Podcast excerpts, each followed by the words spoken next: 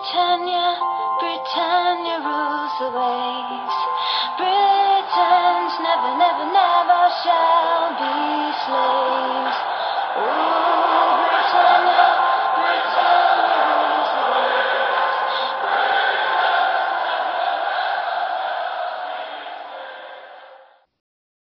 Hej och välkomna till avsnitt 192 utav Svenska FPL-podden. Det är tätt om Gameweeksen och därför slog vi till med en Facebook Live här i söndags, jag och Fredrik. Nu spelar vi in tisdagen den 18 i tionde, det vill säga ja, det har precis dragit igång Game Week 12 men vi ska fokusera Game Week 13 för när den här podden kommer ut så är vi mitt inne i Game Week 12. Agendan för dagens avsnitt är att vi ska kolla på våra byggen lite snabbt och det blir ju byggen inför Game Week 12 men vi pratar lite hur, hur vi tänker här framåt inför Game Week 13 också. I veckans punkt kommer vi gå igenom wildcards. Vi vet att det är många utav er som sitter kvar med, med sitt wildcard även om alla vi tre i podden har dragit vårat och det blev ju ganska lyckat för, för alla tre när vi drog det. Så är man ju, det är svårt att inte vara lite avundsjuk ändå på, på alla som, som sitter kvar med det och Game Week 13 är väl en sån Game Week då många, många kikar och drar det. Stora frågan är, ska man ha med Mohamed Salah eller inte? Och vi kommer presentera två wildcards, ett med, ett utan. Eh, I och med att vi har eh, wildcards-diskussionen så hoppar vi över rekommendationer den här veckan. Istället går vi direkt vidare på en kaptensdiskussion inför Game Week 13 och återigen är Haaland med i bilden. Men kan det finnas en diskussion att ha nu med en, ja, jag vet inte om man kan säga på nyttfödd, nyttfödd Mohamed Salah, men ett Liverpool som i alla fall ser bättre ut. Och vi avslutar med era lyssnarfrågor. Och eh, ja Fredrik, jag måste väl börja med dig. Vi pratade ju lite i liven eh, här om eh, Liverpools vinst mot City, men eh, har du hunnit smälta den något? Eh, nej men jag har nog eh, processat den så långsamt det bara går. eh, det gäller liksom att passa på att suga på karamellen när man inte är i godisbutiken så ofta. Så att, eh, nej, jag njuter av den ända fram till eh, tills det är dags för nästa match. För att som sagt man vet aldrig när man får njuta igen. Ja, är det, är det Liverpools på nytt födelse? Kommer, kommer det bara trilla in tre poängare och Salah göra, göra hattrick vecka efter vecka nu eller? Det tror jag inte att man ska liksom förledas att tro. Eh, framförallt inte vad det gäller just, eh, vad det gäller just eh, Liverpool och sådär. Men att Salah kanske kan ticka igång och börja leverera lite poäng igen. Det, det Eh, när i alla fall jag en, en förhoppning om att det kan lossna lite mentalt. För att vi har ju sett tidigare säsonger Alltså vi, jag såg någon stat sådär att liksom, men Håland efter nio omgångar, ja, men fan, var det förra säsongen som Salah hade mer poäng eh, än honom efter, vad han hade efter nio omgångar nu. Så att vi vet ju att högsta nivån finns ju där och kan han bara börja närma sig det lite grann så, så finns det poäng att hämta. Ja, det blir lite spännande. Kommer kanske kunna blandas in i vissa kaptenstankar. Vi får se vad, vad Salah levererar här i, i Game Week 12 först. Och, mm. eh, Stefan, hur, eh, hur är det med dig? Har du smält att City tappar poäng och Arsenal eh, får en liten lucka där uppe i toppen? Ja, man vet inte riktigt eh, vad man ska tycka om det. Det är klart att eh, nu om man tänker att eh, det ska bli le, liksom, ligaseger så är det väl ett bra resultat. Men jag vet inte fan om jag inte heller hade tagit ett kryss i den här matchen. Eh, FPL-mässigt var det i alla fall eh, katastrof när man eh, ja, men satt där och jublade över Fodens mål och sen så skulle Cancelo upp och stötbryta bort eh, nollan som man hade på, på honom. Så eh, det, var, det var ingen bra FPL-mässigt i alla fall, det kan jag konstatera. Oj, det låter väldigt defensivt. Det låter nästan lika så skeptiskt som, som Fredrik kring, kring Arsenals chanser att, att vinna ligan. Trots att det liksom, ja, som sagt blir, blir en liten lucka här. Ja, nej, alltså jag är optimist eh, så, länge, så länge som möjligt men håller ju fortfarande eh, City som favoriter. Men det är lite kul vad Fredan ska säga nu då, för att förra veckan då var det ju så att, ja men grattis, eh, ni kommer komma tvåa, eh, City är alldeles för bra. Eh, och ja men det, det ska bli spännande att höra den, eh, den vinkeln från, från Fredrik här nu. Är det, är det Liverpool som är alldeles för bra nu eftersom de spöar det här fantastiska laget? Ja men jag skulle säga att bo, alltså, det är inte så att City gör en dålig match mot Liverpool och Liverpool gör ju en helvetes match. Eh, jag skulle säga att spelar Liverpool så som de gjorde mot City då kommer de att slå i princip varje lag i ligan. Eh, nu kommer Liverpool inte hålla den nivån i varje match. Det har jag väldigt svårt att tro. City däremot gör ju det vecka ut och vecka in och då tror jag att ett Liverpool på den här nivån, det är typ det de kommer att ha problem med. Kanske ett Arsenal när de är i sitt allra bästa. I övrigt så tror jag att de, de är så pass mycket bättre än alla andra lag. Ehm, men eh, jag tycker ändå att det, liksom är noterbart att det var inte City som var dåliga på något sätt. Ehm, nej, nej, det håller jag helt med om. Eh, kikar vi in i våra byggen, vi ska inte stanna allt för länge där eftersom att när ni lyssnar på det här så är Game Week 12 redan igång. Men eh, vi kan ju berätta lite vilka, vilka saker vi har gjort här inför Game Week 12 och lite hur vi, hur vi ställer upp. Det, det är ju en omgång då många eh, kommer dra minuspoäng. Eh, jag har suttit i en väldigt lyxig situation om vi, om vi börjar med mig. Jag hade två fria byten, nyttjar bara ett men ja, kommer bara till spel med, med, med tio gubbar. Jag, jag väljer att liksom, ta den. Vi har, ju, eh, vi har ju pratat lite om det här i podden eh, fram och tillbaka. Att, jag är ingen sugen på att byta ut mina City-gubbar i Cancelo, Foden och Haaland. Inte heller Martinelli i Arsenal utan snarare ha möjlighet att gasa till Game Week 13. Så jag kommer ha två fria byten till, eh, till Game Week 13. Eh, det byte jag gjorde var att plocka ut Madison eh, som är avstängd och sen därefter ja, men, inte har supermatcher. Det är inte så att man måste plocka ut honom men ja, nu, nu blev det en bra anledning att göra det. Eh, och jag tänkte länge göra ett kortsiktigt byte till en uh, Trossard men uh, ja, som sagt allt för kortsiktigt. Uh, så för egen del gick jag på Jared Bowen, en spelare som jag kommer vilja sitta med förmodligen hela vägen in till, till VM här. Så ja, vi, vi får se. Jag fick jag stod mer eller mindre stilla här efter Game Week 11 med, med mina 50 poäng som, som jag plockade då. Eh, så en overall rank på, på 41k. Räknar väl med att eh, eventuellt tappa lite den här gameweeken. Det beror på kaptensval. Eh, jag har satt binden på, på Trippier här i, i 12 vilket känns sådär. Inte så jättemånga andra kaptensval som jag tycker känns superklockrena den här gameweeken en Mohamed Salah är den som jag, som jag gillar mest, som jag nämnde i förra podden, om man, om man hade honom. Men ehm, eh, ja, han, han har jag inte så det, det, är inte ett alternativ. Så jag hoppas på, på en Salla blank eh, för egen del. Det tror jag kan, kan rädda min, min, eh, min game week en del.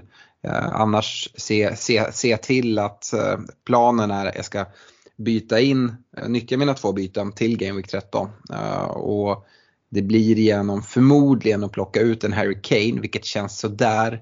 Eh, men det är för att växla upp på mittfältet. Ta in Saka på mittfältet istället för Andreas Pereira och eh, downgrada Kane till Ja, vi får se. Det står mellan tre gubbar. Eh, Jesus eh, i Arsenal och trippla upp Arsenal-offensiven här inför deras framförallt två fina matcher i 13-14 alternativt gå på en Liverpool-forward i Firmino eller Nunez. Jag har precis råd med eh, Nunez Saka in istället för, för Kane och, eh, eh, och Pereira. Så ja, det, det är så mina tankar går och lite vart jag, vart jag står någonstans. Ehm, Fredrik, du hade en lite bättre game week här i, i elvan och ja, avancerar en del. 107k eh, ligger du nu. Mm, knaprar lite sådär smått men det är ju det är i alla fall gröna pilar så det, det är så man får se det. Mm. Vad, ja, vad, vad har hänt nu inför Game Week 12 i ditt lag? Nej, men jag, valde ju, jag har satt med två fria och, och, hade ju också valet att kunna göra Madison i ett rakt enkelt byte till, till någon av de mittfältarna vi var inne och pratade men valde istället att göra Madison till Sala eh, och för att ha råd med det så så fick det smärta lite och, och ta bort Cancelo och göra honom till Dunk eh, som ju har en bra match här nu, nu samtidigt som vi spelar in då. Mm. Eh, så att det, det dubbelbytet gjorde Ja, men dels så, så möjliggjorde att jag skeppade Cancelo att jag kunde få in Sala och dels så fick jag in en spelande spelare i, eh, i Game Week 12 här. Mm. Och, så du eh, går in i Game Week 12 med 11 spelare eller? Ja precis, förutsatt att mm. Perisic spelar men, men eh, ändå liksom 11 spelare som har möjlighet att starta. Mm. Ja, den är fin. Undviker minus. Det kommer nog hagla, eh, hagla en del minuspoäng på, på folk. Du, jag har försökt lyssna, lite, lyssna runt lite i, i communityt och Eh, vi har ju pratat om att vara rätt restriktiva med minuspoäng, speciellt genom att ta ut spelare som från City eller, eller Arsenal i, i de här minuspoängen. Men jag tror att folk kikar mot det och är rätt um, ja, men vissa är väldigt låsta på att man måste få till 11 startande spelare skulle jag säga. Mm. Ja, men så, så de tongångarna har jag också uppfattat. Så att, mm. nej, men folk får gärna trycka om minuspoäng när man själv inte gör det. Det, det är alltid fint så.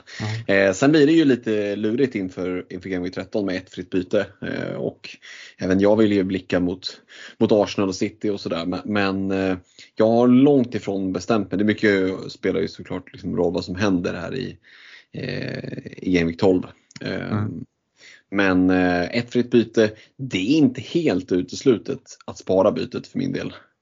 Mm. Just för att kunna få två fria och jag kan liksom inte få in Cancelo igen på något bra sätt nu med ett rakt byte utan då kan det vara, kan det vara läge att bara liksom ja, men, käka den här gameweeken utan Cancelo eh, mot Brighton hemma. Bara för att ha två fria och kunna ha lite mer eh, spelrum. Mm. Och Sala, hur, hur säker känner du dig där eller tycker du att det var en chansning värd ja. att kliva på nu? Ja, precis så. Inte alls säker men, men eh, en chansning, eh, en, en, kalkylerad risk skulle jag väl säga. Eh, det är ändå liksom en, en hemmamatch mot ett lag som typ har alla sina ordinarie mittbackar skadade eh, och sen i, i 13 så har man Forrest borta.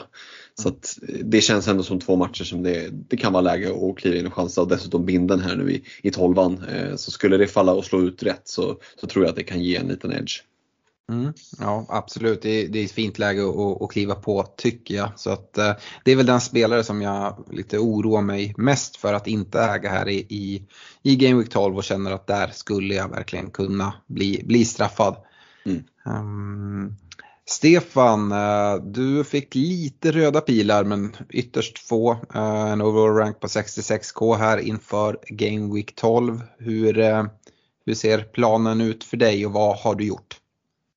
Eh, nej men jag bytte ut Madison och Rhys James. Eh, de är ju Eh, borta. Eh, för, och det var ju liksom, det var ju redan ont om folk till, till den här gameweeken så att, eh, mm. att de två skulle ut var, var givet. Jag var lite sur på Madison där, att han filmade till sig ett gult kort med tre sekunder kvar av matchen. Det, det kanske liksom blir något som, som faller väl ut för att även jag gick Salah-spåret där med tanke på att eh, Madisons avstängningar. Annars hade jag nog inte gjort det, eh, för då hade det liksom varit en helt annan situation eh, i bytena. Eh, nu fick jag lite mer pengar över, satt med en del pengar på banken, så det blev Sala och Guay eh, in i, i Palace. Eh, och han tog jag mest för att han var billigast och eh, har bra matcher fram till VM eh, och eh, ja, men ett, liksom, ett kort som man kan falla tillbaka på om man, om man behöver det, om övriga laget inte har bra matcher så, men, men det är väl framförallt Salah där och eh, ja, men vad jag har sett av, av eh, Forest här i första halvlek mot Brighton så ser det ju i alla fall svajigt ut defensivt eh, utan att Brighton har fått in bollen. Men, men det är ju lite deras adelsmärke. Jag tror att Salah har fina möjligheter i, i 13 också. Men kaptensbindeln sitter där i 12 nu. Eh, har spart 1,2 eller 1,3 miljoner i banken eh, och blickar väl liksom mot Jesus, Saka, eller eh, stärka upp försvaret eh, lite beroende på Perisic eh, speltid i 12 Får Perisic vilan där, eh, ja men då är han nog fin för 13. Men startar han i 12 då, då känns det lite rotationsrisk där i, i 13 och då kanske han eh, får ryka. Mm. Du eh, är väl i samma situation som, som mig, även trots att du gör de här två bytena, att du, du får 10 spelare till, till start här i, i Game Week 12 va? Ja, det stämmer bra. Eh, och jag tror inte att det är någon panik. Jag tror faktiskt att snittet låg där om man kollar topp 10K, eh, hade, hade 10 man till spel och med minus 2 i, i snitt bland topp 10K i minusbytena som ni pratade lite om. Mm. Så att, eh, ja, men jag tror man ligger, har en liten, liten edge med tanke på att man inte har tagit minus in i den här omgången. Men Ja men till exempel en Trossard är ju, är ju tungt ägd och vi får se här, han har haft lägen i första halvlek mot Forest men inte fått utdelning ännu så att det får gärna stanna så. ja jag håller med, Trossard får väldigt gärna hålla sig lugn. Det är väl egentligen han och Sala som jag känner verkligen kan straffa mig i den här den här gameweeken. Eh, det är säkert en del som har gått in med bindel på, på en Trossard också, de som, de som inte har Sala. Eh, men intressant att även du går på Salah, det gör ju att eh, det känns ännu viktigare att det inte kommer en massa dröspoäng från en Mohamed Salah här i Game Week 12 och även gärna här framåt för jag har ingen plan att, att plocka in honom. Kanske kommer få revidera, som sagt jag går, jag går ut med min plan nu samtidigt om, om Salah gör kaos och Liverpool ser superbra ut här i 12 Ja, alltså alternativet för mig är ju såklart att, att lämna, lämna Kane uh, och då kunna få in Salah. Eh, men planen är inte det, men saker kan ändras väldigt fort. Eh, Stefan, ser du på det lite samma som, som Fredrik att Eh, det finns inga, inga garantier eller någon självklarhet på Salah men eh, att det är ett väldigt bra läge för att göra en ja, kalkylerad chansning sett till de, de fina matcherna som Liverpool har och de tendenser vi ändå har sett i, i Liverpools spel här de, de senaste matcherna. Ja, men det, som jag sa, det, det gjorde sig lite självt där med att jag tyckte att det var lite kortsiktigt med Trossard eh, som kanske hade varit det andra bytet som jag hade gått för. Eh, och eh, för att jag satt liksom inte med speciellt många kaptensval eh, som jag var så trygg i, i tolvan. Så ville jag ha in någon med, som jag kunde bindla. Eh, och ja, men Trossard, han, vi får se vad han slutar på här. Han kanske hade varit fin för den här omgången, men sen är han eh, ingen som är så ett jättekort eh, att falla tillbaka till. Eh, samtidigt, ja, det fanns ett spår där jag kikade på att ta in en, en Liverpool-back, men jag var os, så jävla osäker på om Robertson skulle få dubbla starter, om Trent skulle kastas in direkt i, i elvan igen eh, och då kanske det hade varit van Dijk som var kvar och det kändes eh, inte lika, lika bra i, i magen och det är kanske framförallt att man, man är ute efter att de kanske kan göra lite mål här. Eh, så att, eh, det, det, var lite så jag tänkte med, med Salah men ja, mm. vi får se eh, mm. hur det ser ut. Eh, någonting som skulle kunna falla väl ut är att man vill ha honom efter VM och plocka in honom nu för ett lågt pris kanske, kanske blir bra. Hey, I'm Ryan Reynolds. At Mint Mobile, we like to do the opposite of what Big Wireless does. They charge you a lot, we charge you a little. So naturally, when they announced they'd be raising their prices due to inflation, we decided to deflate our prices due to not hating you. That's right. We're cutting the price of Mint Unlimited from $30 a month to just $15 a month. Give it a try at mintmobile.com slash switch. $45 upfront for three months plus taxes and fees. Promo for new customers for limited time. Unlimited more than 40 gigabytes per month. Slows. Full terms at mintmobile.com. Yes. Um, bra, vi, vi går vidare därifrån och börjar med att rikta ett stort tack till våra partners i Olka Sportresor, Nakata.se, Unisportstore.se, Superclub, Netshirt och Glenn Sportsbar. Och uh, med det också så uh, vill jag väl egentligen flagga upp eh, vårt kommande live-event med, med Glenn Sportsbar nere i Göteborg här i början av november. Och ehm, det är faktiskt så att eh, det blev full, slutsålt ganska fort, eller fullbokat på Glenn Sportsbar Ullevi där vi kommer ha vår eh, FBL-sittning. Eh, men eh, det vi gör är att vi öppnar upp, eh, Glenn har ju fler eh, krogar i, i eh, Göteborg och Glenn Gamlestan är ju där vi har hängt tidigare, ett ställe som vi verkligen gillar. Så vi, eh, vi drar dit eh, och är där från lunch, äh, käka lunch, snacka fantasy med er och det fina just den här lördagen det är att det, det inte är någon tidig match vilket gör att vi kan få ett rejält uppsnack och uppladdning inför deadline för, för, för den gameweeken. Ställ, passa på att ställa frågor, vi kör en Facebook livesändning som kommer livesändas på Glenn Ullevi, vi spelar in den på Glenn Gamlestan. Kom till Glenn Gamlestan och så um, ställ frågorna uh, där direkt. Är ni med i Glenn-ligan och är på plats på eventet så har man, har man chans att vinna ett presentkort med 5000 kronor hos Elgiganten. Och man, ja, man måste vara på plats på, på Glenn och man måste lämna in sitt lag-id. Um, ehm, men den som har bäst Game Week vinner alltså 5000 kronor på Elgiganten. Fredrik, eh, vad ska du köpa för 5000 kronor på Elgiganten? ja du, jag har väl inga förhoppningar om att, att plocka hem det där. Det är så pass många duktiga managers bland alla våra lyssnare som kommer att joina upp. Men Ja, alltså skulle blixten slå ner så, så finns det nog en hel del hål att fylla. Ett par nya ett par så här trådlösa lurar så, som, eh, som alla springer runt med som är vita. Jag har inte sådana vita, det skulle jag kunna tänka mig att köpa. Ja, härligt. Nej men eh, se till att boka upp er om ni är i närheten av Göteborg eller se till att dra till Göteborg och, och, och möta upp oss. Det kommer bli riktigt, riktigt trevligt. Eh, om ni inte har möjlighet att komma till Göteborg då, häng med till London istället i vår. Eh, Göteborg är lilla London men det här kan man säga är den stora, stora, stora storstaden London. Eh, vi drar ju dit i mars, 10-13 mars och kollar Fulham Arsenal på Craven Cottage och bokningen trillar på här vilket är superkul. Vi är astaggade. Ehm, och eh, ja, som sagt, det är Fulham Arsenal som, som vi ska se men även möjlighet att se andra matcher. Palace City har vi nämnt spelar samma helg. Spurs, Forest, West Ham, Aston Villa eller om man vill gå och se Championship-fotboll så varför inte besöka Loftus Road och se QPR Watford. Eh, jättekul att se att det är folk som bokar på och det är dags att boka nu om ni inte redan har gjort det. Ehm, vi ska också passa på att slå ett slag för eh, och, rikta ett riktigt stort tack till alla som stöttar oss via Patreon. Det gör man via patreon.com svenska FPL. Man stöttar oss med 25, 35 eller 50 kronor i månaden. Och eh, ja, då kan man ha tur och vinna massa utlottningar. Vi hade en kille här som vann eh, utlottning till att vinna en poddresa och, och följa med.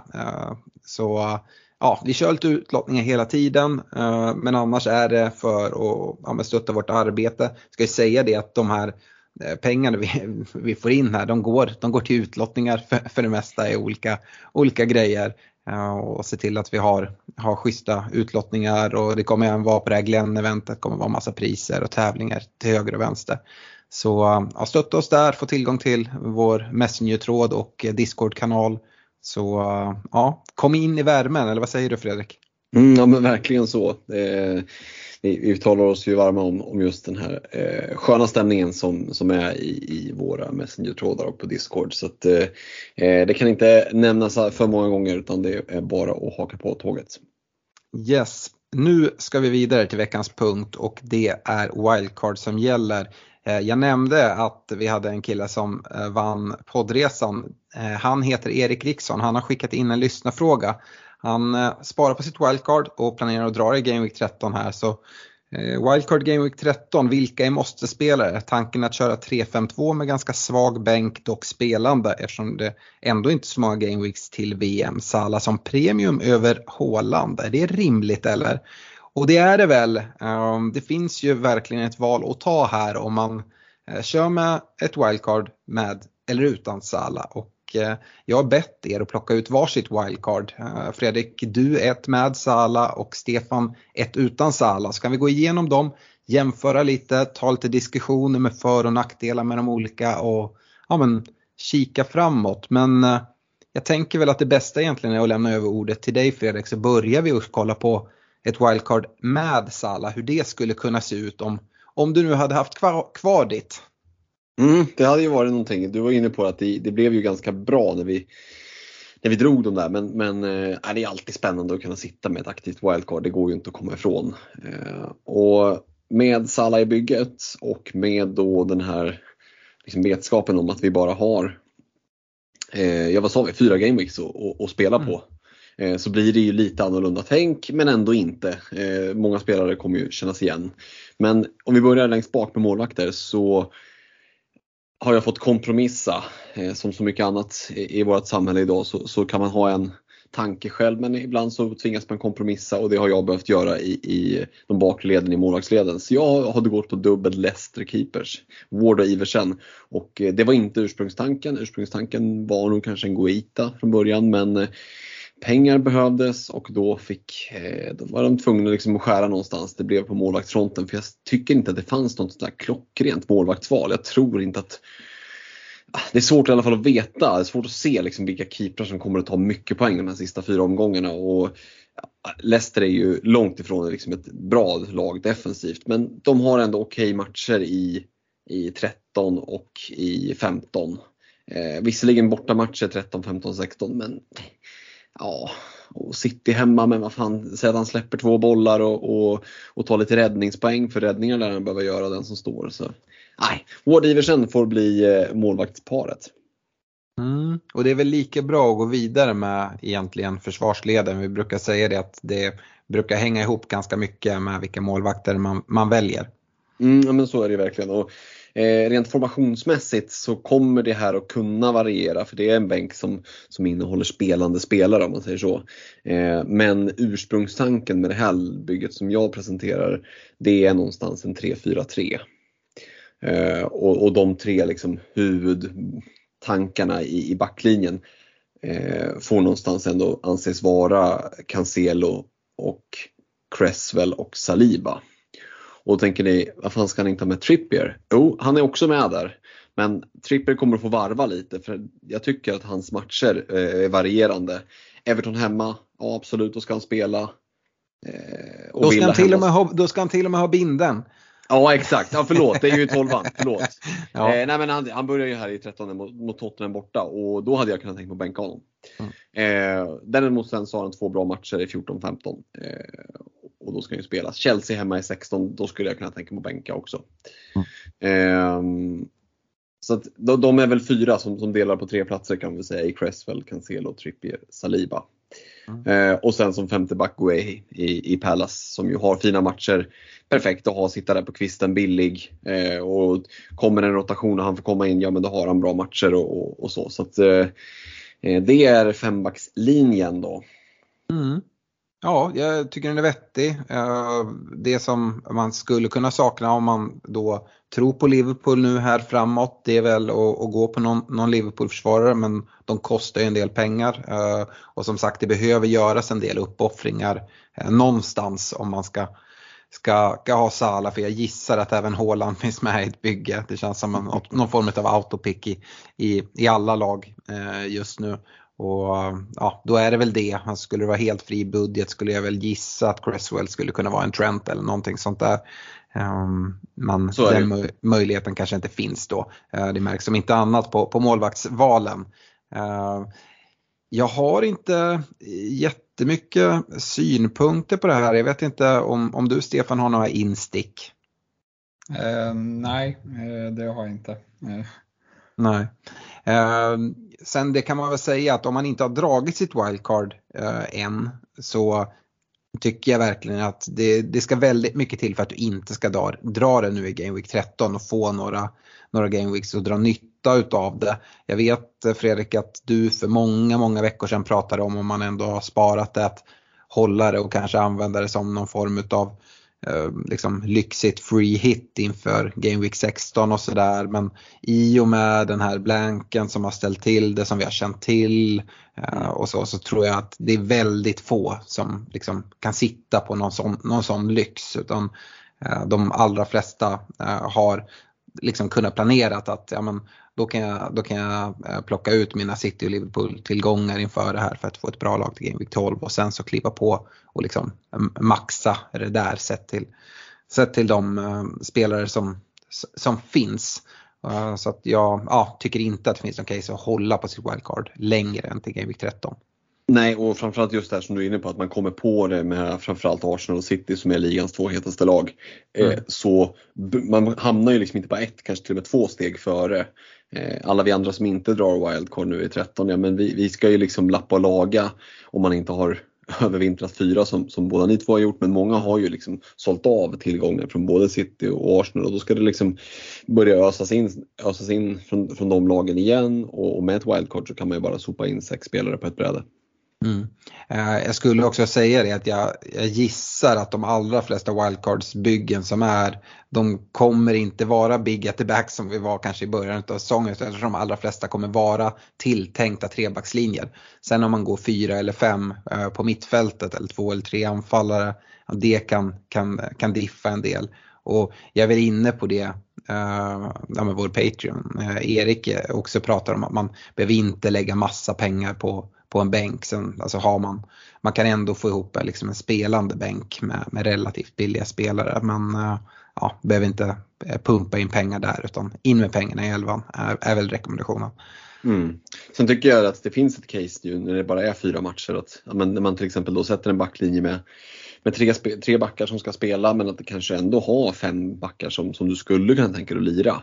Kolla mm. lite då hur de växlar med varandra. Men ta som Cresswell till exempel som har väldigt fina matcher eh, i 13 mm. och 15 och 16 men liksom en katastrofmatch då i 14.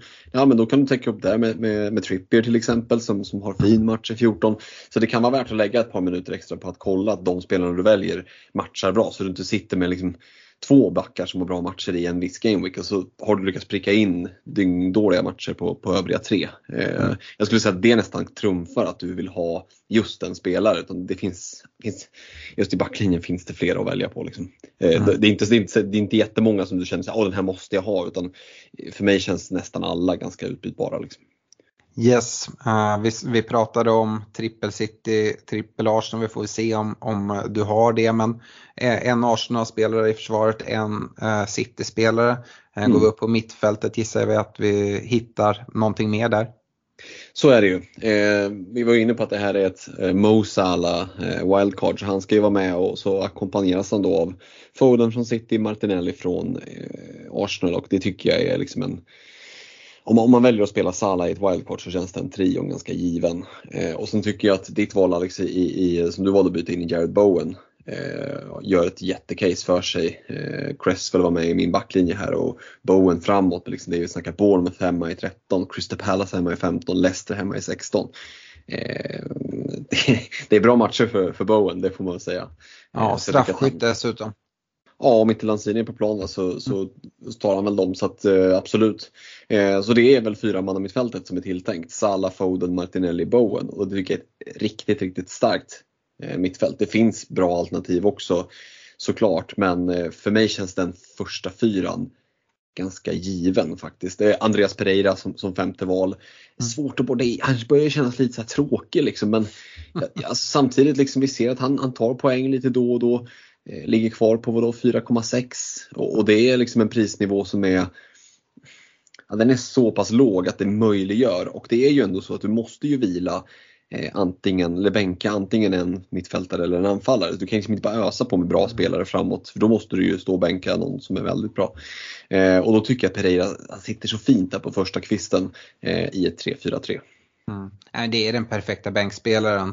Mm. Eh, sen det, det case man kan dra emot är att det finns så extremt många fina, fina mittfältare. Ska man binda upp den i Andreas Pereira Uh, nu har vi inte kommit till din anfallslinje men alternativet är ju såklart att gå på en liksom, billigare anfallare, kanske till och med en icke-spelande för att mm. uh, liksom, attackera med ett femmanna mittfält. Och där får man ju liksom väga vad man kan få in och liksom, så. Och det antar jag att det är någonting du har gjort i det här läget också.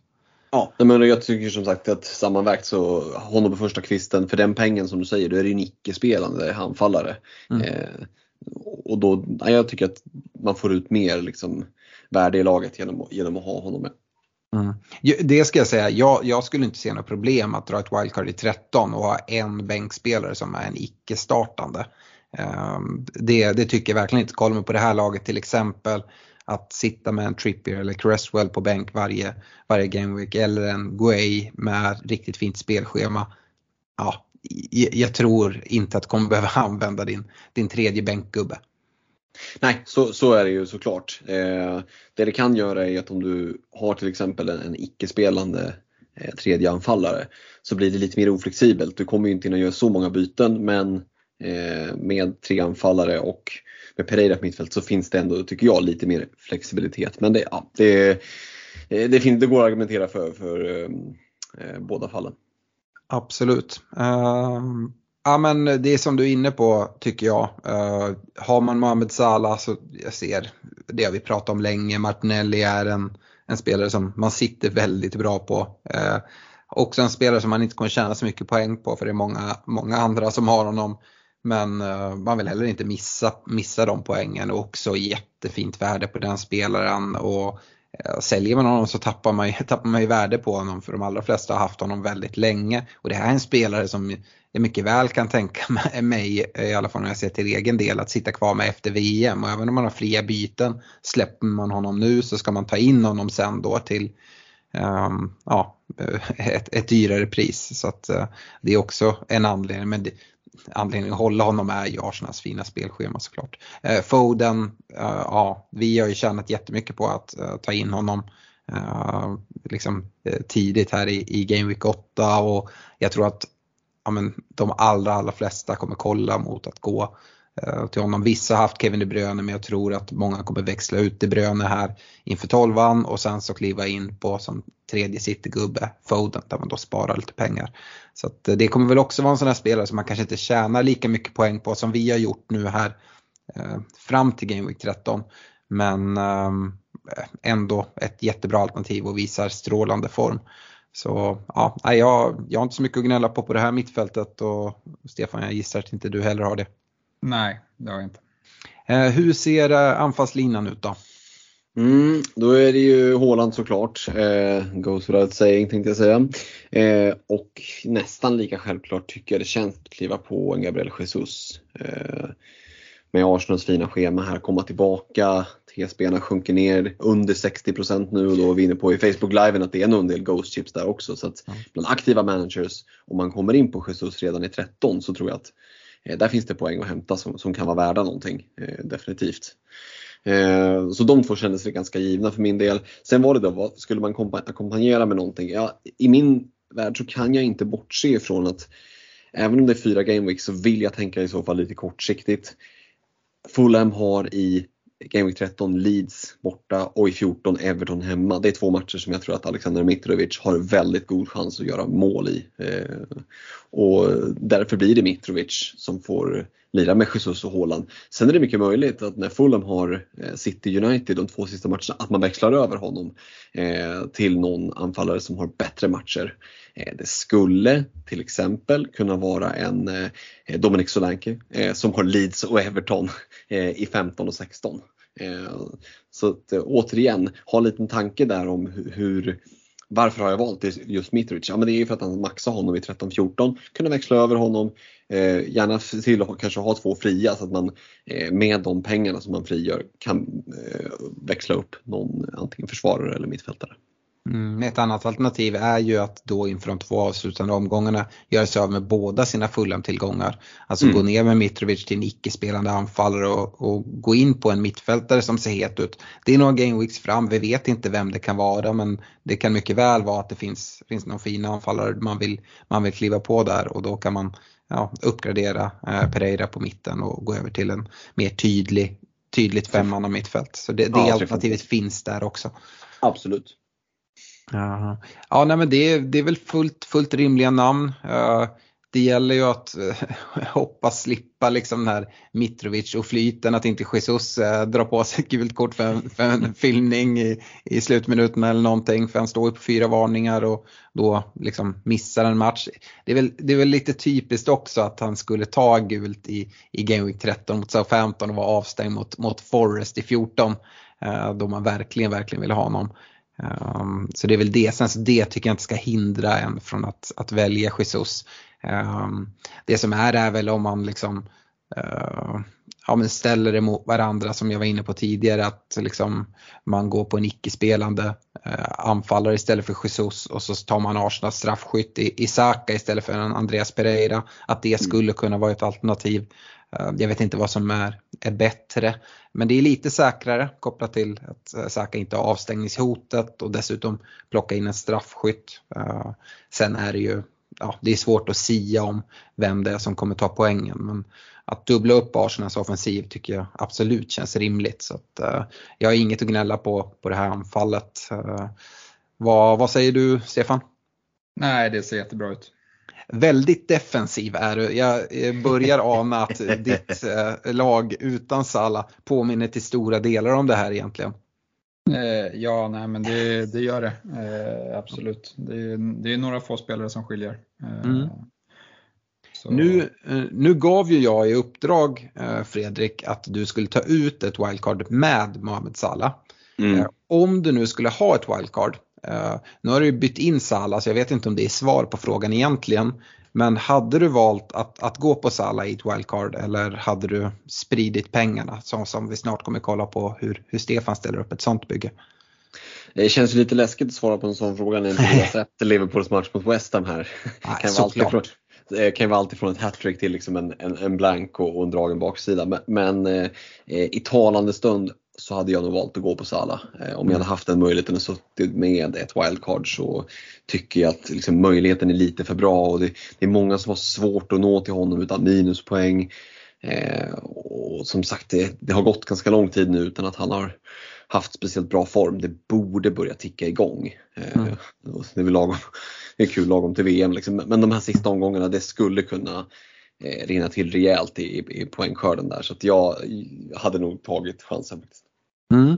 Det är ändå bara en eh, Liverpool-spelare som det har gått på. Eh, mm. Här lockar det att liksom eh, kika mot fler. Jag vet att budgeten förstörde på eh, i försvarsleden men det skulle ju såklart ha gått att få in, jag pratade om att kanske gå på en Liverpool-anfallare i en Firmino eller en Nunez. Det har ju kommit en hel del skador, senast var det väl nu Jota som som klev av. Eh, mm. Och, och missar, missar VM, eh, ja. gör han ju. Eh, så att absolut, verkligen så. Det här är ju, det som jag presenterar det är ju lite småfegt. Eh, jo men det är det och, och det hade varit mycket modigare att liksom trycka in Darwin Nunez och, och kanske Trent eller Robertson också för den delen. Mm. Eh, men jag tycker inte att Liverpool har övertygat så pass mycket, så pass länge att det är värt att liksom trippla eller knappt en, ja kanske dubbla men nej, i ett, i ett wildcard hade jag nog tyckt att med Salah så borde man ha ganska bra täckning. Och, eh, försvaret i, i, Liverpool de får nog bevisa sig ett par matcher till innan jag är övertygad. Mm. Finns det, finns det någon oro kopplat till, till Liverpool och, och Salah här med alla de här skadorna i, i Liverpools offensiv och, och så att det kan ställa till det och att ni inte kommer komma till, ja men få ett lika bra offensivt spel eller tänker du att det ännu mer kommer göra eh, Salah till den här supertalismanen offensivt? Det är svårt att säga. Det är, på ett sätt kommer det ställa till det för att både Jota och Diaz som är skadade är ju de två alternativen. Eh, första och andra alternativet ute på vänsterkanten. Nu tror jag att Fabio Carvalho kan få en del speltid eh, där ute och då ställer det till det lite för Nunez Firmino för då tävlar de om samma spot i mitten där. Trots att både eh, att både Diaz och Jota är borta. Så att, eh, jag är inte säker på att eh, på att Nunez och Firmino kommer att starta liksom alla matcher som är kvar trots skadeläget. Eh, och det gör liksom att jag tycker att Salah känns som den mest givna eh, och det är mycket pengar oavsett vilken Liverpool-tillgång du väljer att gå på. Därför känns det mer safe. Att, att spela Salah och bara ha honom känns lite som en mini-differential. Eh, och då känner inte jag behovet av att liksom maxa ännu mer. för att ja, alltså Liverpool West det kan mycket väl bli en blank eh, på hela jävla Liverpool-bygget och så är vi tillbaka i vad det var för ett par veckor sedan. Det var ju en jätteinsats mot, eh, mot City och det ska bli väldigt intressant att se om man kan hålla i det men, men eh, det återstår att se. Mm.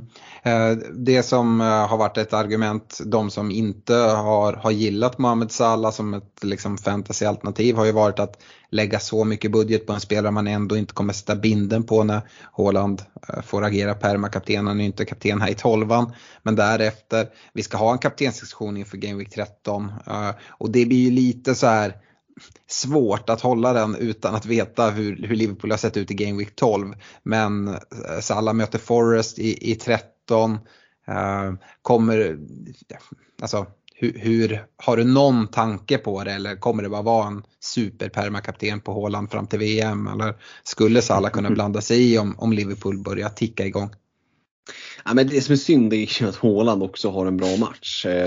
Det hade ju liksom varit lite mer sport om Håland haft en Chelsea borta eller någon här riktig jävla liksom dyngmatch men nu är det lite för bra för att, för att eh, eh, liksom gå någon annanstans. Men eh, alltså, snabbaste hattricket i Champions Leagues historia, eh, en bra insats med, med, avgörande mål mot City. Låt säga nu, vi, vi, vi har ju inte sett eh, Liverpool-West Ham, ett hattrick mot West Ham, då då kan det vara så att man sitter där och, och fipplar lite på en Salabindel eh, till helgen. Det, det, är inte omöjligt. Men i, nykter tillstånd så nej, det ska ju bara inte vara aktuellt. Men eh, man ska aldrig säga aldrig när det just gäller honom. Åh herregud vad vi ska jobba Håland då. ja, vi, vi, får se. Men eh, bra, jag tycker det, det, är spännande. Det ska bli kul att se lite hur, hur mycket det skiljer mot ett uh, icke-Sala-lag. Och innan vi presenterar ditt lag Stefan så ställer jag väl lite samma fråga till dig. Nu har ju du, precis som Fredrik, i ditt privata lag valt att plocka in Sala. Om du skulle ha ditt wildcard kvar och dra det, hade ditt lag sett ut som det lag som vi presenterar nu eller är det för att jag har tvingat dig att inte ha med Mohamed Salah? Nej, det hade nog varit med Salah faktiskt. Mm. Det hade det. Eh, sen, mitt lag eh, är lite tänkt att man ska kunna dra ett benchboost om man, har, om man har de, går i de tankebanorna i ja, men framförallt Game Week 16 innan VM där. Mm. är väl en grej. Men, men annars så finns det, liksom, tycker jag, ganska få fördelar med att sprida pengarna. För jag tycker inte att pengarna är ett speciellt stort problem och eh, det man gör kanske framförallt är att man plockar andra Liverpool-gubbar och i, i försvaret. Och, eh, ja, men vi har ju sett, alla sett hur, hur det har sett ut så ja, eh, mm. det, det, är inte helt lätt att hitta rätt i Liverpool-försvaret även om det kan falla väl ut med en, med en investering där. Nej, det glömde jag fråga dig Fredrik, det här bygget som du presenterar, var det några pengar på banken där? Nej, det var renskrapat ordentligt. Det var mm. tomt. Så det hade förmodligen varit ett lag som du inte hade haft råd med Stefan kopplat till att jag tror att du har lägst eh, lagvärde utav oss. Uh, ja det men, stämmer nog bra. Men det går alltid att hitta, hitta pengar lite här och där så man skulle ändå kunna göra ett vettigt Salabygge, det är jag helt övertygad om. Men uh, Stefan, uh, har du några pengar på banken eh, innan vi går in och, och börjar kolla på målvakterna? Eh, nej, det kan du nog se på vilken målvakt jag har valt som eh, en av eh, målvakterna. Han kostar 4,4 nämligen och hade jag haft 4,5 hade jag aldrig valt honom. Härligt, jag tror jag redan vet vilken målvakt det är. Kan han spela i Chelsea och vara världens dyraste målvakt genom tiderna? Ja men det kan han. Eh, mm. Men sen ska vi väl säga med det att eh, ja, det är Kepa då, eh, mm. som, som har letat sig in. Men Chelsea har faktiskt spelat sex timmar tävlingsfotboll utan att släppt in mål med, med Kepa i, i kassen. Så att, eh, liksom, det är klart att han har gjort det bra. Eh, inget snack om det. Eh, men jag är inte helt övertygad. Men han, han, var billigast, annars hade jag nog gått för en, en eh, Goita eller en, eh, en Pickford faktiskt med riktigt bra matcher här innan VM. Mm. Yes. Och eh, Ward får, får vara andra eh, keeper och, och, det är lite tanke att man ska kunna spela ett benchboost, eh, ha två spelande målvakter där och ja, det är en väldigt liten besparing om att gå liksom ner på någon annan, eh, tycker jag. Ja, och även som att, alltså, nu tror jag inte det kommer hända men vi har varit inne på det att Potter skulle kunna få för sig att ge Mondy chansen och han gör det bra och så tappar Kepa sin plats om, om Kepa skulle stå för någon, någon sämre insats. Jag, jag, tror inte det. Jag tror att Potter nu har kanske har gjort valt på Kepa kopplat lite till hans spel med fötterna och så. Um, men då har man i alla fall en spelare som just nu är första målvakt i Leicester. Det ser ut som att Rodgers kommer, kommer fortsätta med det. Så det är väl frågan snarare om, om Rodgers inte är um, ja, är Leicester manager längre om det kommer in en ny manager. Att det kanske sker ett målvaktsskifte. Det tror jag är största chansen eller risken för att det ska bli ett målvaktsbyte i Leicester som det är just nu. Ja, det känns som att Kepa ska göra kanske två dåliga matcher för att han ja. ska tappa sin plats nu. Absolut. Eh, yes, eh, och sen kan vi kasta in att liksom grunduppställningen är en 3-5-2 eh, här. Eh, och eh, ja, men, eh, i backlinjen så, så de tre som är tilltänkta startspelare i en normal vecka är ju Trent, Cancelo och Trippier. och de två eller tre har vi avbytarna Cresswell och Guay i Palace. Och där Cresswell framförallt kommer spela vissa omgångar som i 13 när, Trippier har Spurs borta. Eh, så eh, kastar jag hellre in, in Cresswell där som, som har imponerat på slutet och kanske framförallt offensivt sett då, West Ham har ju lite svårt eh, liksom med, med, många mittbackar borta men, men han kan eh, få eh, ja, men få assist eller, eller slå in någon, någon frispark så. Eh, tänker jag. Eh, mm. Där eh, Guay är bara för att eh, kunna ha möjligheten att dra benchboost, eh, kostar väldigt lite. Jag vet inte, Pallas, eh, de, jag såg att de låg under nu mot Wolves, de, de imponerar ju inte direkt Pallas, eh, riktigt svag form eh, faktiskt. Men uh, här förstår jag ju direkt varför inte du hade så mycket att såga på, på Fredriks bygge. Det är egentligen den enda skillnaden. Ja men Kepa står i mål istället för Iversen där, uh, där Fredrik fick göra gör en kompromiss. Och sen så har du fått in Trent i, istället för, för Ja, Saliba var det va? Mm. Precis. Eh, Så ja, eh, det är fullt rimligt. Jag antar att du har fyllt dina Arsenal-platser med, med offensiv istället, eh, Stefan. Ja, nej men precis. Jag kunde, Saliba är absolut ett alternativ. Han står dock på fyra gula han också. Eh, och, och så här, det, det hade varit tråkigt om han drog på sig ett gult och, och missa. Eh, men, men, eh, nej, men Trent känns väl som en, en eh, chansning att ta här. Om, om, även om, om Liverpools försvar inte är vattentätt så, så vet vi att Trent kan ta offensiva poäng när som helst. Eh, och ja, Eh, ska man gå utan Salah måste man ju ha någon, någon, några spelare med, med liksom potential till höga scorer eh, som inte är Salah. Eh, Yes, och så här eh, Fredrik, jag tänker inte bolla över om, om du har några synpunkter på det här bygget eftersom att det i stort sett är din, din backlinje men med en Trent istället för Saliba som, och jag, som vi var inne på så hade du gärna haft Trent om du hade haft Mm. budget till det. Så Ja, att jag, ja. jag antar att du inte har så mycket att opponera dig emot. Eh, det stämmer. Det stämmer. Eh, mittfältet då, eh, vi har ingen Mohamed Salah där men annars kanske det finns några namn som vi känner igen från, från Fredriks bygge även där. Ja, nej, men de som känns eh, liksom helt spikade är ju Saka och Martinelli från Arsenal eh, och sen Foden och Bowen eh, med riktigt fina spelscheman. Eh, sen har Sa letat sig in i det här bygget trots svag form eh, och det beror ju mycket på, eh, på spelschema då. Eh, men ja, man hade ju mycket större förhoppningar när man bytte in Sa att han skulle se bra ut. Eh, tyvärr så har han inte gjort det men eh, jag hittade inte riktigt någon Eh, där med, i, liksom med, med den budgeten jag hade. Eh, det är klart att hade man haft lite mer pengar och det skulle man kunna fixa i det här bygget genom att, att inte ha Solanke med till exempel så skulle man gå för, kunna gå för en Mason Mount till exempel som har sett fin ut i, i Chelsea. Mm. mm.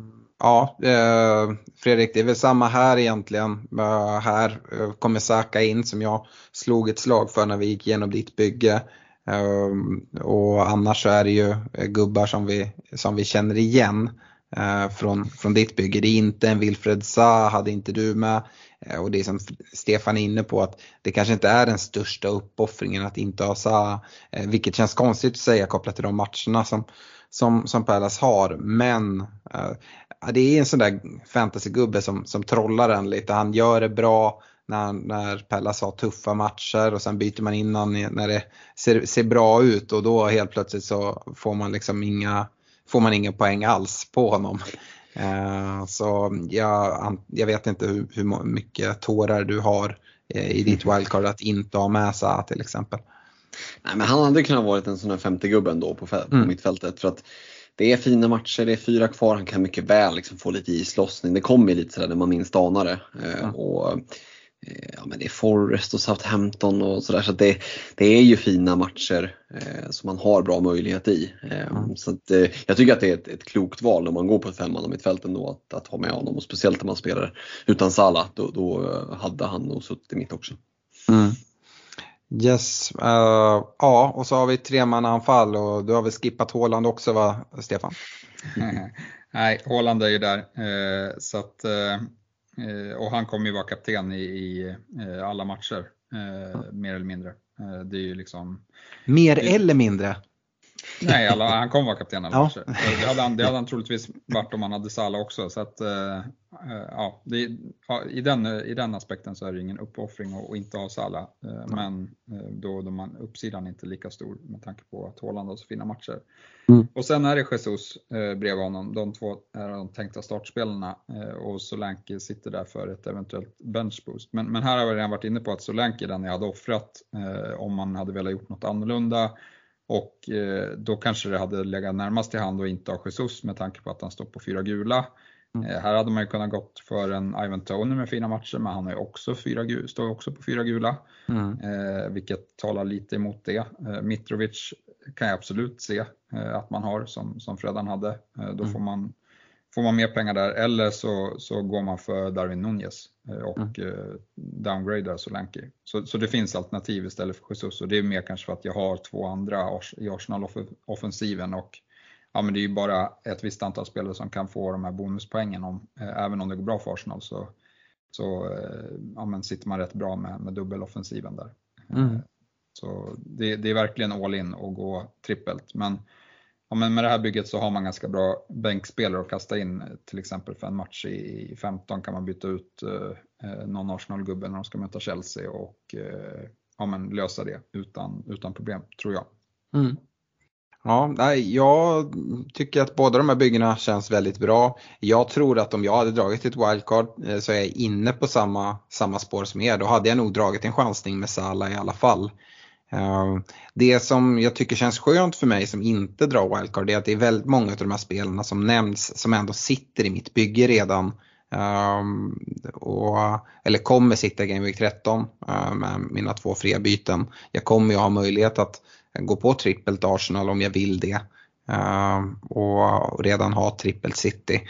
Och den stora skillnaden är att det, det är Salah som jag inte kommer ha. Jag kommer inte ha Trent. Uh, och ja, som sagt, det, det är Salah kommer kunna straffa mig men det finns heller inga garantier på, på en Mohamed Salah. Uh, inte som det har varit liksom för med förra säsongen eller för förra säsongen som, uh, som det har varit. Men eventuellt tickar ni igång nu och ja, det, det är lurigt. Det kommer vara en sån här sak som man kommer kunna se, tillbaka på och antingen har kostat en en hel del uh, oavsett om det är att man har klivit på honom eller gått utan honom. Så ja, spännande. Eh, har vi något annat att säga här om, om wildcardslagen? De, de, på, eh, de påminner ju väldigt mycket om varandra. Vad, vad säger du Fredrik? Mm, men, och det, det ligger väl någonting i det. Vi har ju gjort dem utan, liksom oberoende av varandra. Så. Mm. Eh, och, och att vi då tänker väldigt lika, ja men det, det, går ju att se på, på olika sätt att ja oh, shit vad tråkigt så det borde vara roligare om ni har helt olika spelare. Ja det kanske det vore men, men det ligger ändå någonting i att vi blickar åt ungefär samma håll.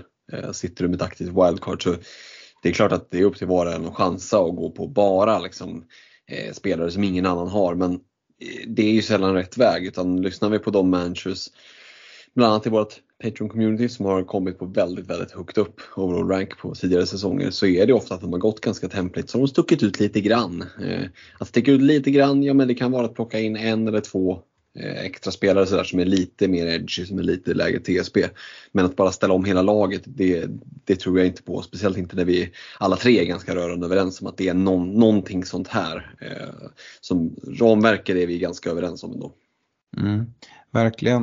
Uh, kollar man snabbt in i en fixture ticker och kollar vilka som har bäst matcher här eh, från Game Week 13 fram till, till VM, eh, Game Week 16 så ligger Everton högst upp i fixture ticker. Stefan, du var inne på det med Pickford.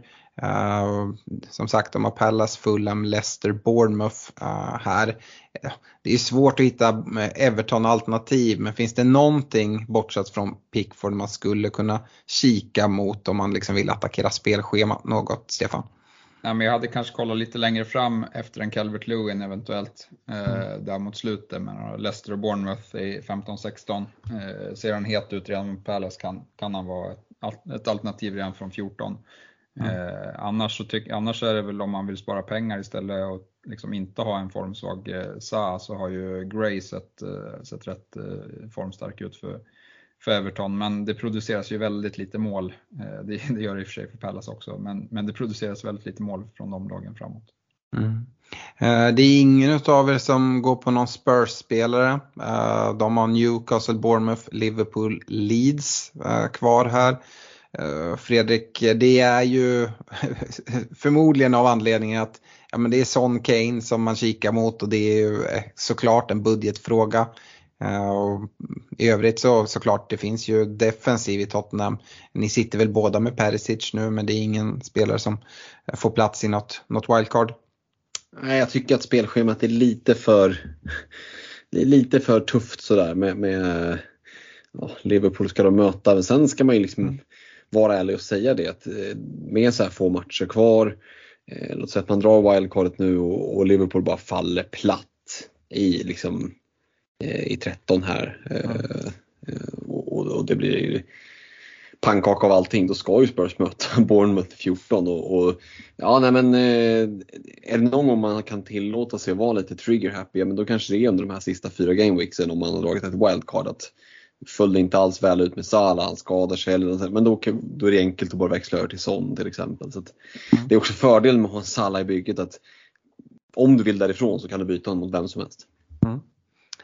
Yes, jag tycker vi lämnar wildcard där, bra snack. Vi går över på en kaptenssektion för Game Week 13 och det var som jag var inne på tidigare, det är ju väldigt svårt att hålla den här kaptensdiskussionen så här långt innan. Vi är dock tvungna att spela in för att ja, avsnitt ska hinna komma ut, folk ska hinna lyssna på det innan deadline för Game Week 13 som är lördag 12.00. Det är Forest Liverpool som startar och om man är sugen på att, att gå på en Salabindel så ja, är frågan hur mycket det liksom stör att det är första matchen. Det finns ju en viss skepsis från, från vissa eh, för det. Men eh, det är väl det som är, alltså om man plockar in Salah nu och han verkligen gör succé här i, i, um, i Game Week, um, Game Week 12. 12 att, uh, att man kommer att lockas om man ändå har Salah i bygget att ah, kanske det är läge att, för det kommer vara att sticka ut. Uh, Uh, Håland sitter i, i, exakt varje bygge. Uh, det kommer inte Salah göra. Eh, samtidigt så har City hemmamatch mot ett Brighton. Ehm, ja, jag, jag vet inte. Jag känner mig trygg med och jag behöver inte ha liksom, beslutsångesten. Den kommer sitta på Håland för mig. Men ehm, ja, det är väl egentligen det jag har att säga om, om eh, Game Week 13. Jag tycker att Haaland är det absolut bästa eh, kaptensalternativet. Eh, ja, men fullt utav Salah får man ändå säga. Hiring for your small business? If you're not looking for professionals on LinkedIn, you're looking in the wrong place. That's like looking for your car keys in a fish tank. LinkedIn helps you hire professionals you can't find anywhere else, even those who aren't actively searching for a new job but might be open to the perfect role. In a given month, over 70% of LinkedIn users don't even visit other leading job sites. So start looking in the right place. With LinkedIn, you can hire professionals like a professional. Post your free job on linkedin.com slash people today. Hey, Dave. Yeah, Randy. Since we founded Bombus, we've always said our socks, underwear, and T-shirts are super soft. Any new ideas? Maybe sublimely soft. Or disgustingly cozy. Wait, what? I got it. Bombus. Absurdly comfortable essentials for yourself and for those facing homelessness. Because one purchased equals one donated. Wow, did we just write an ad? Yes. Bombas. Big comfort for everyone. Go to bombas.com slash ACAST and use code ACAST for 20% off your first purchase. Ja, det är väl bara att fylla i där egentligen att det är det nyktra valet att gå på Håland även om du sitter med Salla i laget så som jag och Stefan gör. Det är, jag, jag försöker att liksom överlägga med mig själv hur många mål Salla behöver göra mot, mot West Ham här för att det ska liksom börja brännas lite att man ska vara där och pilla. Eh, om jag liksom bara leker rent hypotetiskt med ett Salah hattrick mot West Ham och han ser helt glödhet ut. Mm, då ska jag ägna det en tanke och fundera åt det. Men det, jag vill säga, bussbinden sitter på Håland och den, den är fastspänd med säkerhetsbältet trots att Sala sitter i, i samma lag. Ja, samtidigt som jag hoppas att ska välja uh, Salah Bindel där uh, så hoppas jag inte det för det, det, betyder i så fall att han har gjort det riktigt bra i tolvan och kommer straffa mig riktigt hårt. Uh, blankar, blankar Salah i, i tolvan så kan jag inte tänka mig att uh, någon som sitter med Salah och Haaland uh, som är liksom, nykter och inte liksom, stående medlem i sekten sätter binden på, på någon annan än Haaland. Eh, och det, jag tycker det finns ingen anledning att sticka ut. Uh, jättetråkigt svar men jag är en tråkig manager. Uh, ja, kollar man vidare, man inte vill sätta binden på någon som spelar på lördagen. Sitt spelar ju senare där vid fyra på lördagen. Så ja, det, det närmsta för mig är att kolla mot Arsenal då som ska bort.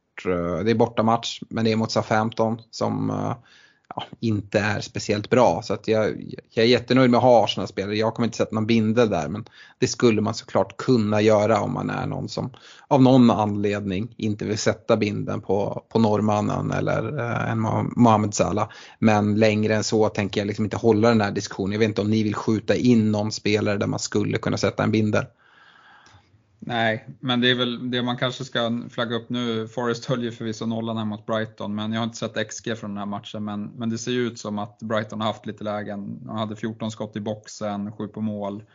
Eh, Medan eh, ja, men, eh, ja, men Forrest hade inte ens ett skott på mål, så de ser ju riktigt rackiga ut. Det är väl det som är Salas liksom, eh, enda chansen. Men tidiga matchen, City ska liksom eh, studsa tillbaka från, från Liverpool eh, Liverpool-torsken och har haft ledigt en hel vecka och även om Brighton kanske kan spela bra fotboll så släpper de in mål första tio på, på Etihad så, så blir det där liksom 5-1 och Haaland gör hattrick.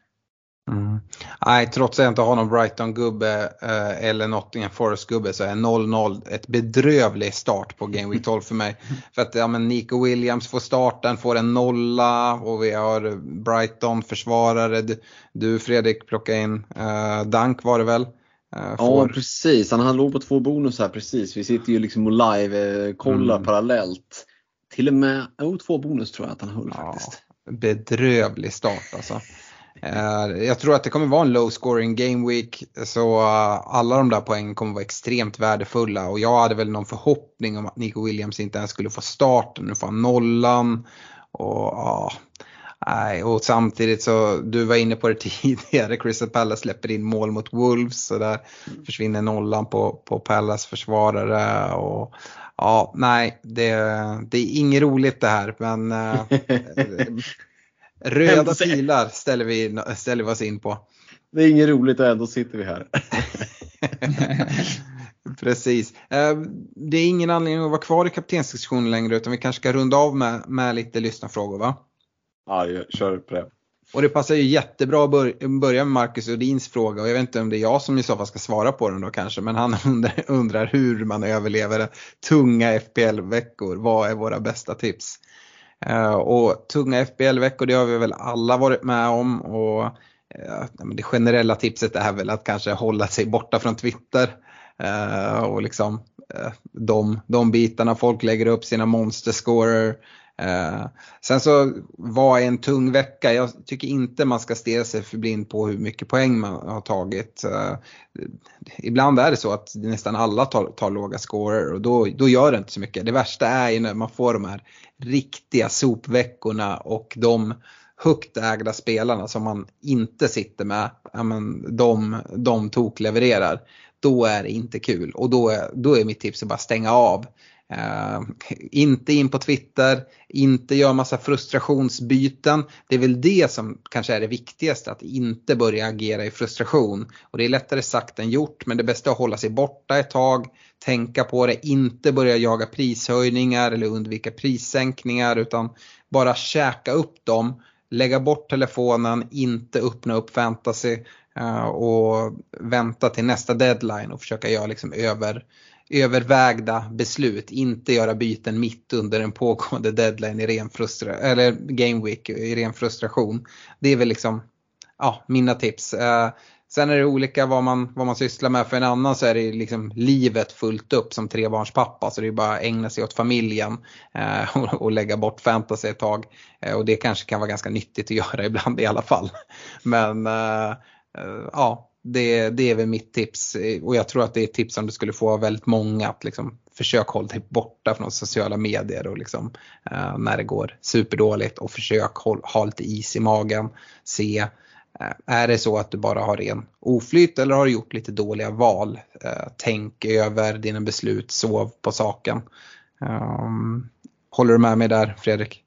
Mm, ja, nej, men det, det är bra tips att just det faktiskt foka lite på familj och så kan vara, kan vara läge när det går dåligt. Sen är det ju så att de allra flesta av oss som, som håller på med Fantasy Premier League har ju ett favoritlag i England och dock, ibland så, så sammanfaller ju liksom, ibland går det bra för både eh, både eh, fantasylaget och ditt lag, eget lag. Men ibland är det ju liksom att de står på lite kurs eller liksom kollision med varandra. Och är det så att eh, FPL-laget går dåligt men ditt lag som du håller på går bra, ja då är det också på samma sätt bara släppa fantasy och bara njuta av att det, det går bra för ditt lag. Eh, och, och å andra sidan då tvärtom, går det piss för laget så som jag har haft med Liverpool i början här men det har ändå gått okej okay för fantasylaget, då får man skifta fokus lite.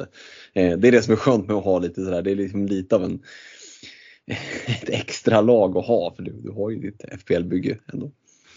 Precis. Och då passar det ganska bra med nästa fråga. Daniel Andersson han undrar hur, hur mycket vi tycker att fantasy förstör för vårt supporterskap. Till exempel om, om er kapten för omgången gör mål mot, eh, mot vårt respektive favoritlag så, så, blir ni ändå glada eller liksom hur, hur, hur, fungerar det? Jag vet inte om du vill ta vidare den, eh, den tanken som, som du började där eh, Fredrik. För att eh, ibland är det som sagt riktigt totalt mörker. Att det går dåligt för ens lag och det går dåligt för ens fantasylag. Ja, och då är det lätt att vara, vara nere liksom och bitter. Men det är klart att det är ju, eh, jag skulle inte säga att det förstör. Eh, för jag skulle säga att det positiva med fantasy, dels att du får ja, men, sitta och titta på liksom Brighton, Nottingham kan bli superspännande. Eh, eller vad, när vi var nere och, och eh, var i Milano på, på Glenn eh, vinnarresan där och såg, var, var det Fulham, eh, Nottingham eller det var liksom en riktig skitmatch. Liksom. Men alla var ju astaggade för vi satt med Mitrovic i hela bunten i, i bygget. Så jag tycker någonstans att det positiva med fantasy överväger väldigt kraftigt. Men det är klart att det ska ju inte sticka under stol med att jag blev mer jag blev liksom, det, påverkade mig det påverkade mig på ett annat sätt när jag sitter med Chelsea-spelare, Arsenal-spelare, City-spelare i bygget och de gör mål på andra lag. Mm. I matcher som Liverpool inte är inblandade i. När Liverpool spelar så hejar jag alltid på Liverpool. Det är egentligen skitsamma hur det ser ut i mitt bygge. Men jag ska ju vara ärlig och säga att jag har ju jättesvårt för Manchester United. Men sitter jag med två United-spelare i bygget och de möter whoever, säg Palace eller vad fan som helst och jag sitter med Rashford i bygget och han gör mål. Ja, jag är en ond människa. Jag blir glad liksom. Jag är egotrippad. Eh, sådär. Så det, det, just det här liksom indirekta, att det som jag liksom älskade när, när rivalerna åkte på rejäl torsk eller släppte in mål. Där skulle jag säga att det har påverkat mig allra mest. För där är jag liksom sjukt egotrippad med The Anfielders. Eh, det är liksom, eh, sitter de i mitt FPL-bygge och Liverpool inte spelar då, då håller jag en extra tumme. Fast de har en, en fel tröja på sig. Ja, men det var inte så att du blev eh, helt vansinnig när, när Fodens mål dömdes bort här i, i söndags direkt?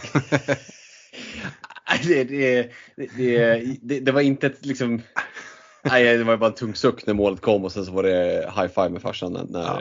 när det dömdes bort. Så det där var det tydligt att, att supporthjärtat gick före, eh, helt klart. Ja, hade det varit så att du hade blivit förbannad på det bortdömda målet, eh, då, då har det gått för långt skulle jag säga. Då hade jag blivit utesluten ur sekten på livstid. Ja, det kanske inte är något negativt eh, i och för sig. Eh, men eh, jag tyckte det var kul när vi hade, det var väl förra årets Glenn-event när, när Henrik Mattsson var där med sitt kompisgäng gäng som kanske inte är så mycket för fantasy utan ja, men det är liksom ett, om jag förstod det rätt, ett, ett tipsgäng. De tippar lite tillsammans och de är Liverpool-supportrar allihopa tror jag det var. Eh, och de förstod ingenting vad han sysslade med när han satt och jublade när, när andra spelare gjorde mål. Inte mot Liverpool då men bara generellt. Eh, det var, ja, det var, det var en upplevelse. Men så var man ju själv också innan fantasy. Alltså, det, det, det kommer man ihåg. Liksom. Det är klart att det var kul när det gick dåligt för konkurrenterna. Eh, ja. Men, men, nu vill man ju såklart att, att eh, de spelarna man har i laget ska, ska ta poäng. Så är, ja. man är ju mycket mindre så nu skulle jag säga. Jag är i alla fall det. Absolut. Sen är det roligt när du säger ja det minns man ju innan man börjar med fantasy. Du gjorde din första säsong, säsong 06-07 Stefan. Så det, ja, det är ett tag då var, då var jag 21 liksom. Jag hade kollat på jävligt mycket fotboll när jag var 21. absolut, absolut. Uh, ja, härligt. Uh, vi går vidare i alla fall. Uh, Stefan Gustav Krantz, han undrar, han sitter med Fabian Kär och Pope och undrar hur vi ser på sidledsbytet till Trippier om det är lönt här den närmsta tiden förutsatt att pengar finns. Vilka satt han med? Uh, Kär och Pope, så det är väl att då gå från Kär till en Trippier. Ja, alltså Trippier är ju kanon eh, skulle jag säga. Framförallt när det är kanske sådana här matcher eh, där, där, man inte, där man vet att nollan blir svår. Eh, mm. För Trippier har ett helt annat hot eh, i offensivt. Mm. Sen vet jag inte, hade man alltså inför 13 eh, är det väl kanske inte ett prioriterat byte. Jag vet inte om man, eh, det är i alla fall stand, eller så här, i mitt stalltips så släpper de in mål där mot, eh, mot Tottenham. Så, mm. men, men sen, sen kan jag absolut köpa att man vill ha honom. Mm.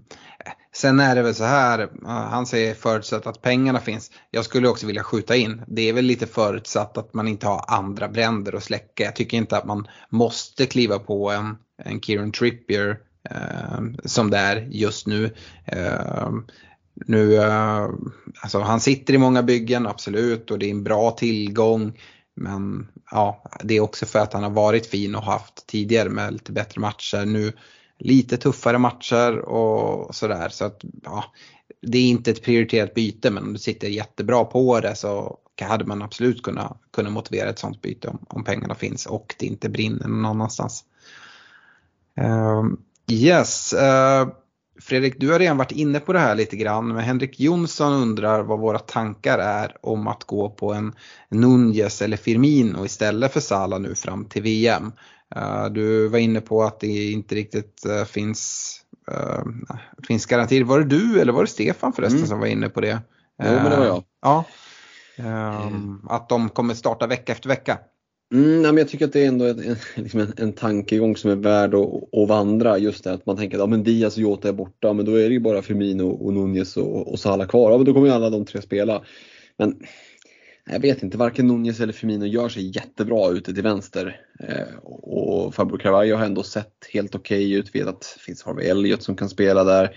Eh, så jag är inte helt säker på att de får den där liksom 4x90 här nu sista fyra omgångarna. Eh, och, och, hade inte Firmino varit så himla bra, han har ju varit Liverpools bästa spelare i princip, ja, tillsammans med Alisson. Eh, så eh, hade det känts liksom givet att gå på Nunez med den värvningen han har varit. Ändå gjort ett par mål liksom på, på inte allt för mycket speltid eh, med avstängningarna som var. Så att, just det gör att det känns lite sådär svajigt. Vem, vem är egentligen första valet de här fy, närmsta fyra veckorna eller fyra mm. gameweeksen? Jag tycker att den känns lite för osäker för att jag ska investera så mycket pengar i det. Eh, då, pant är liksom lättare att ta på, på en helt annan prisnivå men här är det nästan uppe på premiumnivåer och då tycker jag att det är lite för mycket av en chansning för min egen del. Sen tror jag att de kommer få inhopp eh, men det, då kan mm. det vara de här 10-15 minuterna, de vill man ju gärna undvika. Alltså. Mm, absolut. Jag, jag kikar emot eh, någon av de här eventuellt i konkurrens då mot en, en Gabriel Jesus eventuellt. Um, det är, um, jag tycker ändå att det lockar. Uh, jag förstår Henriks fråga. Uh, och um, det blir någonstans att få Liverpool-täckning. Eh, Fredrik, ser du det som helt självklart att, eh, du, att Salah kommer spela centralt nu kopplat till all, alla skador eller är det så att han skulle kunna vara ute till höger och att det finns plats i vissa matcher att spela både Nunez och Firmino centralt istället?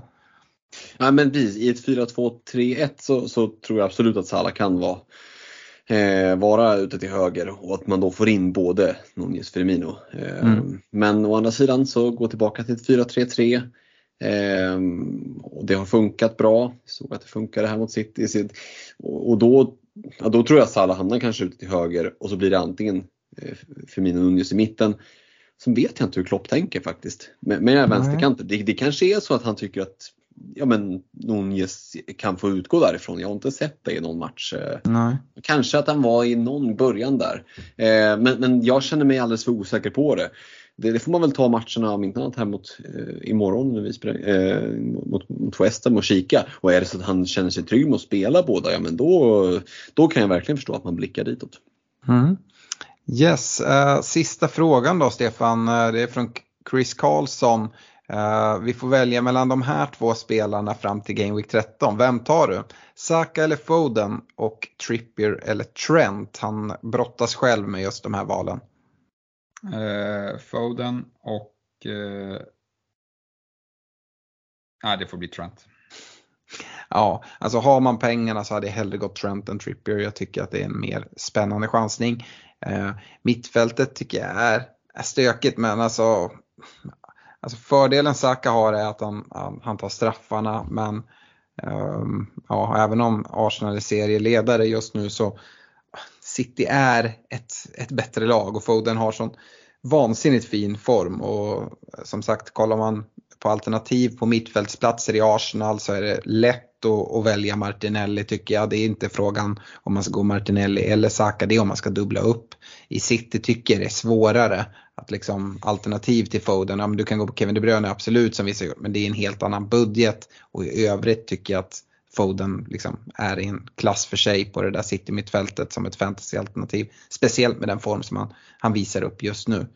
Um, de, är bara ett, de är bara ett kryss ifrån och har avgjort eh, gruppen också i Champions League. Så då, kan ja. de, liksom, de får vilan nu, eh, vilket gör att det inte kommer vara något behov av att roteras liksom, snart. Och sen får de troligtvis vilan sista Champions League-matchen också.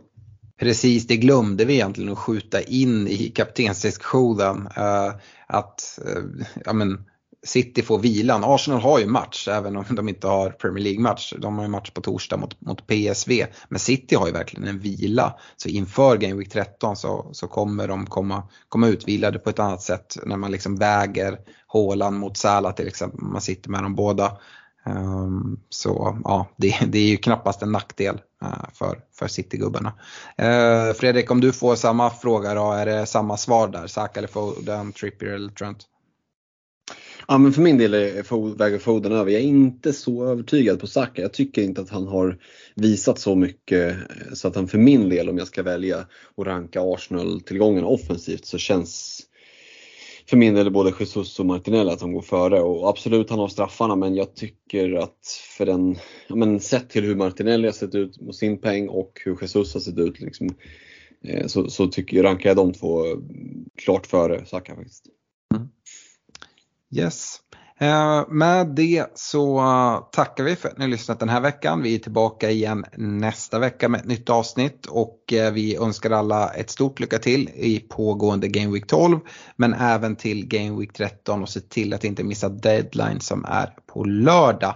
Eh, tills dess, ha det bra. Hej då! Ha det bra! Ha det gott, ciao!